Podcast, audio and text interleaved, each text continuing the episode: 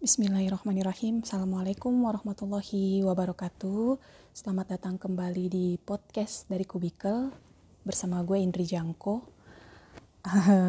Dan ini tuh episode insidental gitulah. Gue tiba-tiba kepikiran untuk cerita sedikit uh, perjalanan gue mengenal dan belajar tentang Al-Quran gitu disclaimer di awal gue tuh uh, bikin episode ini bukan karena gue adalah orang yang udah ngerti banget soal Al-Quran atau udah banyak banget ilmunya. Bahkan justru gue baru mulai nih.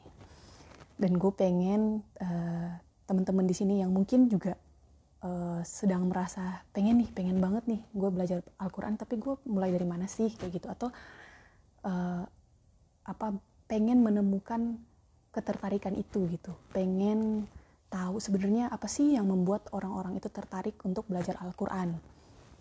Nah gue mungkin akan bercerita sedikit gimana perjalanan gue mengenal Al-Quran gitu ya.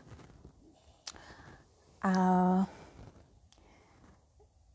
gue mulai dari uh, awal mula gue tahu Al-Quran itu ya karena uh, dari kecil itu uh, eh, gue masuk sekolah pertama kali itu di TK Al-Quran. Gitu.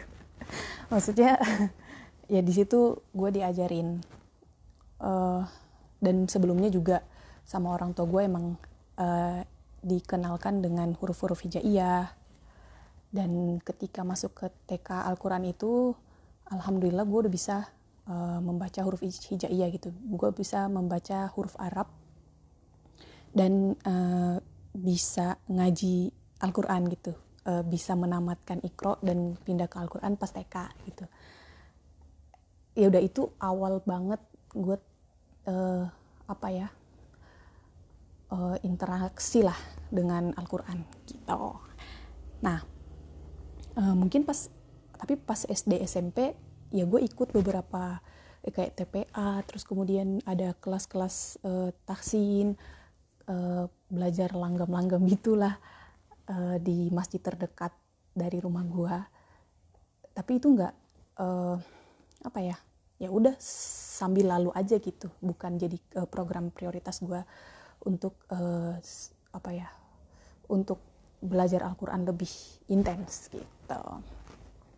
Kemudian gue masuk ke SMA nah pas SMA ini mungkin uh, mulai terasa vibesnya ya uh, eh, gue masuk ke boarding school yang di dalamnya tuh ada program tahfiz.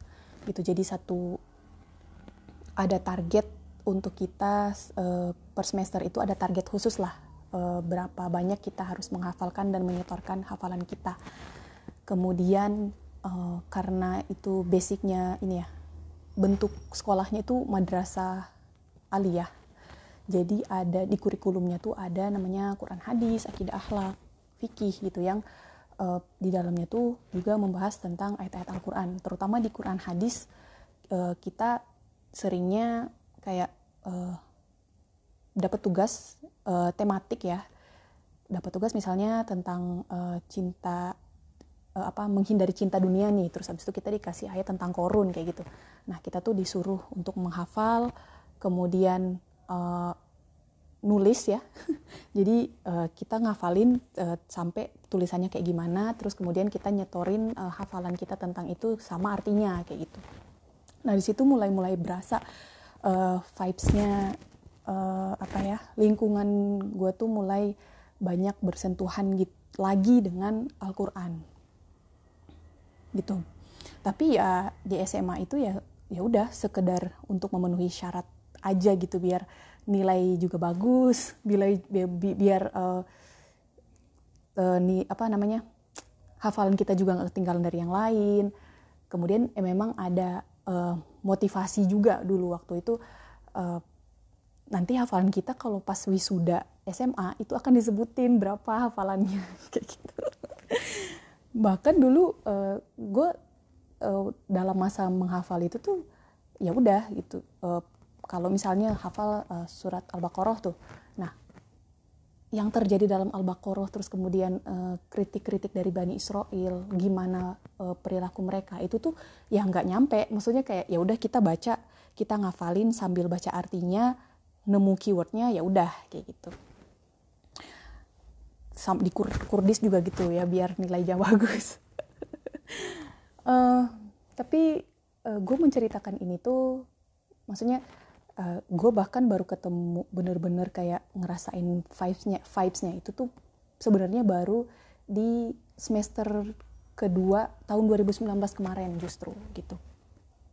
Tapi uh, eh, gue tidak apa ya tidak menafikan dan tidak menghilangkan uh, record dari TK dari uh, orang tua gue mengenalkan dan menyekolahkan gue di TK Al-Quran sampai di SMA yang bentuknya boarding school dan punya program Al-Quran itu adalah uh, batu pijakan gue untuk kemudian bisa sampai di tahap ini gitu. Yang walaupun di tahap ini pun gue merasa sangat kurang banget uh, pengetahuan gue tentang Al-Quran gitu. Tapi ya itu uh, jasanya orang tua tuh gede banget untuk gue bisa sampai di tahap ini. Uh, dan memang uh, orang tua gue punya apa ya walaupun mereka tidak ngasih tahu uh, apa visi misinya uh, visi misi pendidikan anak atau yang kayak gimana ke kita anak-anaknya tapi akhirnya gue kayak merasa oh iya memang uh, kedua orang tua gue memang punya visi eh, punya misi khusus terkait Al-Quran ini. Entah mereka terlepas mereka bener-bener sadar dan punya kurikulumnya atau tidak tapi gue merasakan banget uh, ada apa ya gue uh, di apa ya kayak uh, jalannya tuh ditunjukin gitu dibukakan jalannya sama orang tua gue kayak gitu. Nah hmm, gue sebenarnya tadi ya baru bener-bener pengen belajar Al-Quran itu itu baru di semester 2 kemarin semester 2 di tahun 2019 ya, bukan semester 2 kuliah. Nah, uh, waktu waktu di kuliah juga uh, di berbagai kajian akan kan disebutin ya kayak oh ini uh, landasan Al-Qur'annya ini ini ini gitu. Uh, Quran surat ini ayat ini gitu. Tapi tidak sekenceng gitu. Uh, pengaruhnya di gua tuh nggak sekenceng ketika beberapa bulan terakhir. Uh, apa ya yang paling gue inget dari perubahan pengaruh-pengaruh Al-Quran tuh karena gue uh, waktu itu um, menyimak satu ini apa namanya menyimak uh, satu video kajian online dari Ustadz Numan Alikhan. Kalau dulu sebenarnya gue juga menyimak beberapa apa namanya beberapa kajian gitu ya tematik yang juga membahas tentang ayat Al-Quran tapi yang ini tuh bener-bener ngena gitu. Yaitu adalah uh, waktu itu Al-Fatihah jadi kayak uh, apa mutiara tentang Al-Fatihah gitu. Dia ada tiga jam video YouTube tiga jam tapi bener-bener gue di situ yang kayak uh, nyimak banget dan kayak nggak bosen gitu. Waktu itu ada subtitlenya memang. Jadi uh, gue lupa deh. Itu kayaknya wak, uh, waktu itu gue lupa uh, venue venue kajiannya di mana. Tapi itu bener-bener ngena di gue dan abis itu gue akhirnya melanjutkan dengan uh, video reconnect with the, the, the Quran yang waktu itu Ustadz itu ada di uh, Masjid Istiqlal. Tapi gue belum tahu kan Ustadz ini uh, beliau ini track recordnya dalam Al-Quran tuh kayak apa. Terus gue belum menikmati uh, apa cara beliau menyampaikan pelajaran tentang Al-Quran itu tuh gitu. Jadi waktu pas beliau di Masjid Istiqlal gue nggak ikut. Nah baru beberapa bulan hmm, belum bisa dibilang eh, bisa mungkin ya dibilang setahun bisa. Baru setahun ke belakang gue baru kayak oh iya uh, ternyata metode yang dibawakan sama ustadz ini tuh yang gue butuhkan yang yang bisa ngena di gue gitu. Ini uh, dari situ apa ya gue jadi kayak oh iya banyak banget nih dari di, di dalam Al-Quran ini yang perlu gue pelajarin dan menarik gitu. Penyampaiannya Ustadz ini tuh bisa gue tangkep dan bahasa Inggrisnya pun bisa bisa diikutin gitu. Jadi akhirnya gue memutuskan untuk uh, mengikuti banyak lecture-nya beliau uh, bahkan sampai subscribe uh, apa channel apa ya namanya aplikasi TV-nya beliau yang kayak semuanya di situ lengkap uh, dan tematik gitu. Sampai sekarang gue masih subscribe. Bukan promosi tapi kayak oh ternyata ada uh, akhirnya gue nemu uh, metode yang pas di gue dan kayak gue bis apa ya gue dengan sukarela untuk uh, mengeluarkan uh, uang ya atau uh, apa ya berkorban sesuatu untuk hal yang gue suka gitu. Dan ini tuh terkait Al-Quran. Jadi gue ya kayak wow ternyata gue bisa uh, apa ya bisa segininya gitu untuk mengejar sesuatu tentang Al-Quran gitu. Dan ini bukan kayak ini lagi-lagi gue kayak uh, karena gue juga baru setahun jadi gue ngerasa ini adalah uh, positive vibes bertubi-tubi yang datang ke gue yang harus gue sambut.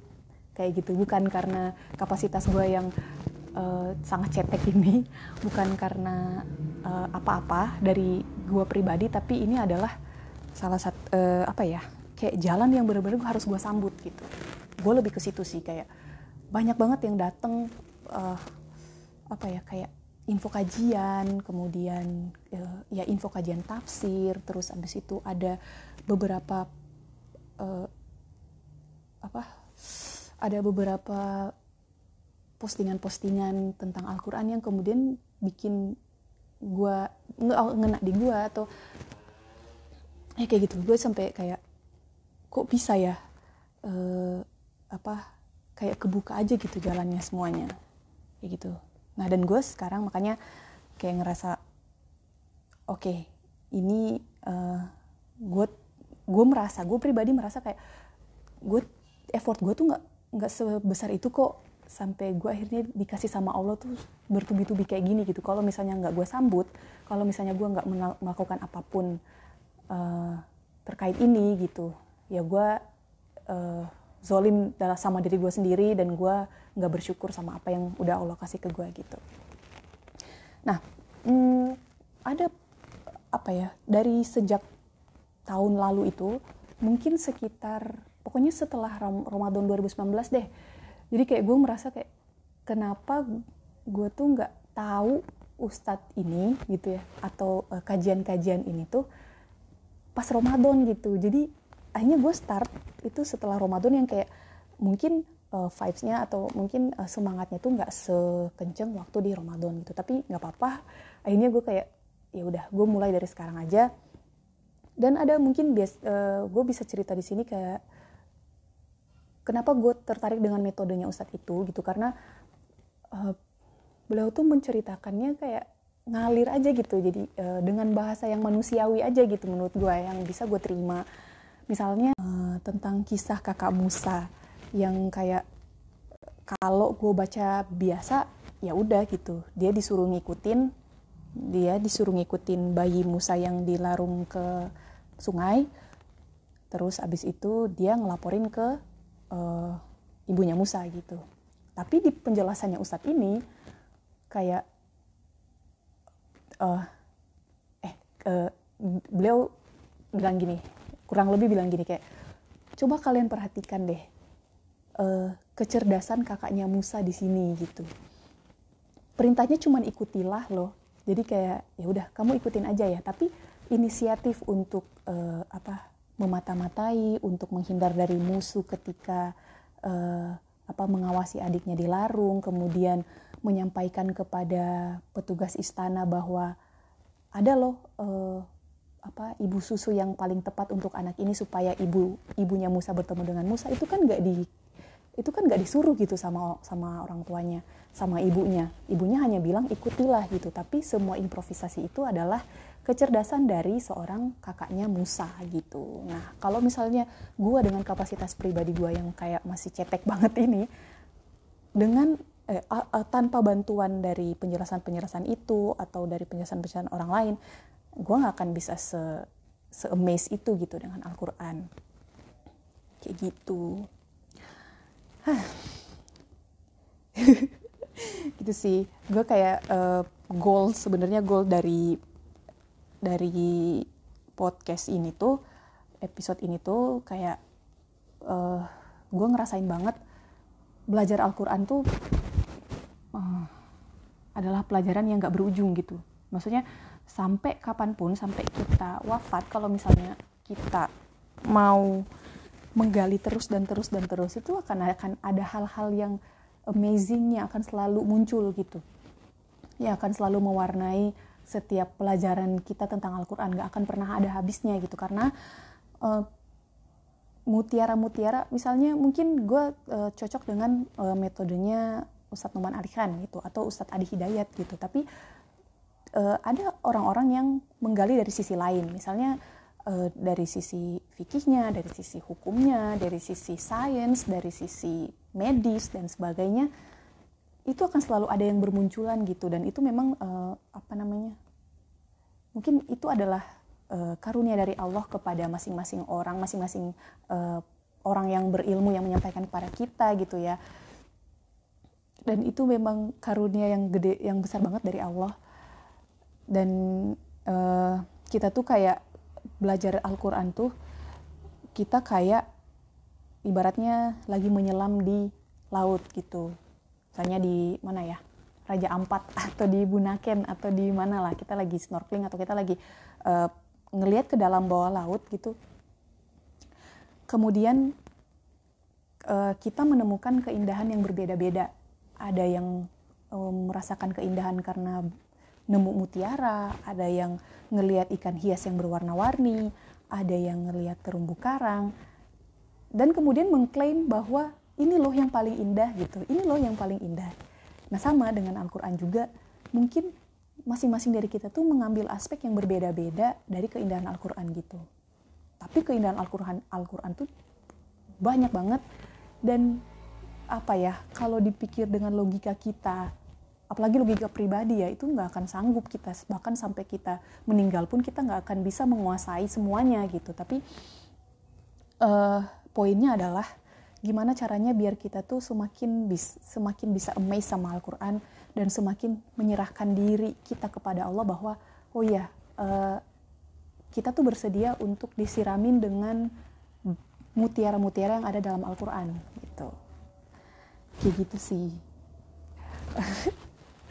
Gue lupa lagi kayak tadi tuh kayak banyak banget yang pengen gue sampein sebenarnya soal ini.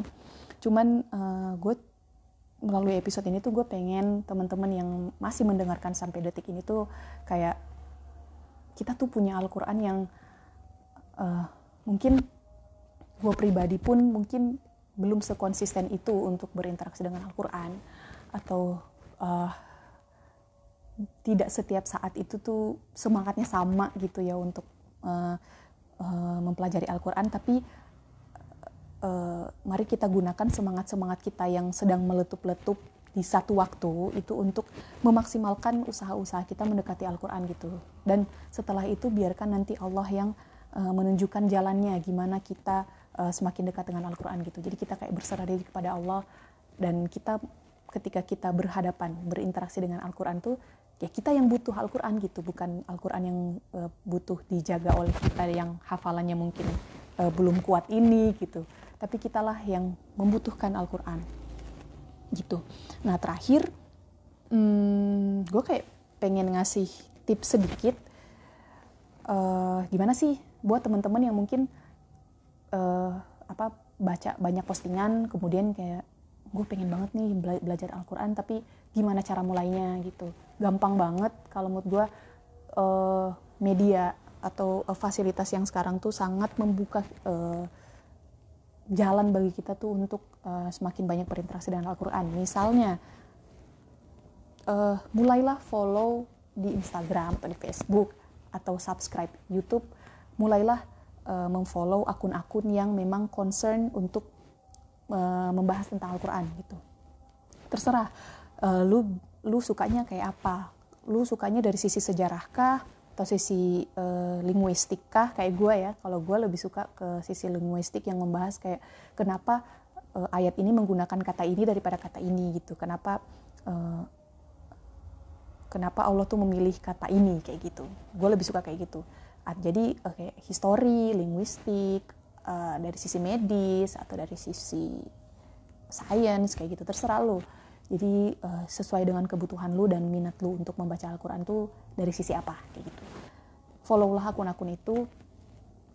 Uh, followlah kayak Quran journaling atau apa pun yang kayak akan uh, dan misalnya lu udah memfollow sekitar 2 sampai 3 akun nah itu kan nanti di explore lu akan muncul uh, apa ya hal-hal yang akan uh, terkait dengan itu gitu terkait dengan Al-Quran gitu. Sehingga ini kayak apa ya sebenarnya usaha-usaha kita tuh sebenarnya nggak terlalu besar untuk membuka jalan ini gitu ya. Tapi kita butuh kita butuh uh, ikhtiar untuk bisa uh, apa ya biar Allah tuh ngasih jalan ke kita gitu. Follow follow lah akun-akun itu atau misalnya lu uh, dengerin podcast podcast yang uh, sekiranya membahas tentang itu gitu. Banyak kok sekarang uh, apa potongan-potongan kajian atau yang uh, kalau misalnya kayak gue yang uh, suka dengan kajiannya Ustadz Noman Ali kan di podcast juga ada di YouTube juga ada atau mau subscribe juga ada kayak gitu. Itu sih terus abis itu ya lu cari temen yang atau ya selain follow akun-akun itu yang khusus lu juga ngobrol atau misalnya cari temen yang sekiranya uh, punya semangat uh, apa ya punya ilmu atau minimal punya semangat yang sama untuk mau belajar tentang Al-Quran gitu. Nah itu tahap ini tuh menurut gue sih udah cukup untuk membuat lu bisa mendapatkan vibes positive vibes tentang Al-Quran tuh di awal-awal gitu. Nah selanjutnya lu bisa explore sendiri, misalnya dengan beli tafsir yang bermacam-macam, atau lu ikut kelas tafsir, atau ikut diskusi-diskusi yang mendalam tentang Al-Quran dan sebagainya kayak gitu. Nah uh, di akhir banget ini gue mau kayak um, memberikan apa ya, mengucapkan selamat gitu ya kepada teman-teman yang uh, baru tergerak pengen banget untuk belajar Al-Quran ataupun uh, teman-teman yang sedang belajar Al-Quran ataupun teman-teman yang uh, barokallah yang kayak sudah sampai tahap mengajari teman-teman lain untuk belajar Al-Quran dan sudah punya hafalan yang banyak bahkan sudah kholas hafalannya atau sudah selesai hafalannya. Barokallah uh, untuk kita semua uh, kita sedang berada dalam tahap-tahap masing-masing untuk berjuang uh, mendekati Al-Quran gitu. Semoga kita tetap diberikan uh, semangat, semoga kita tetap diberikan hidayah dan uh, keistiqomahan untuk um, menapaki step-step kita masing-masing sampai akhirnya kita uh, dipanggil untuk pulang gitu sama Allah. Gitu kali ya. Ini episode random banget nih.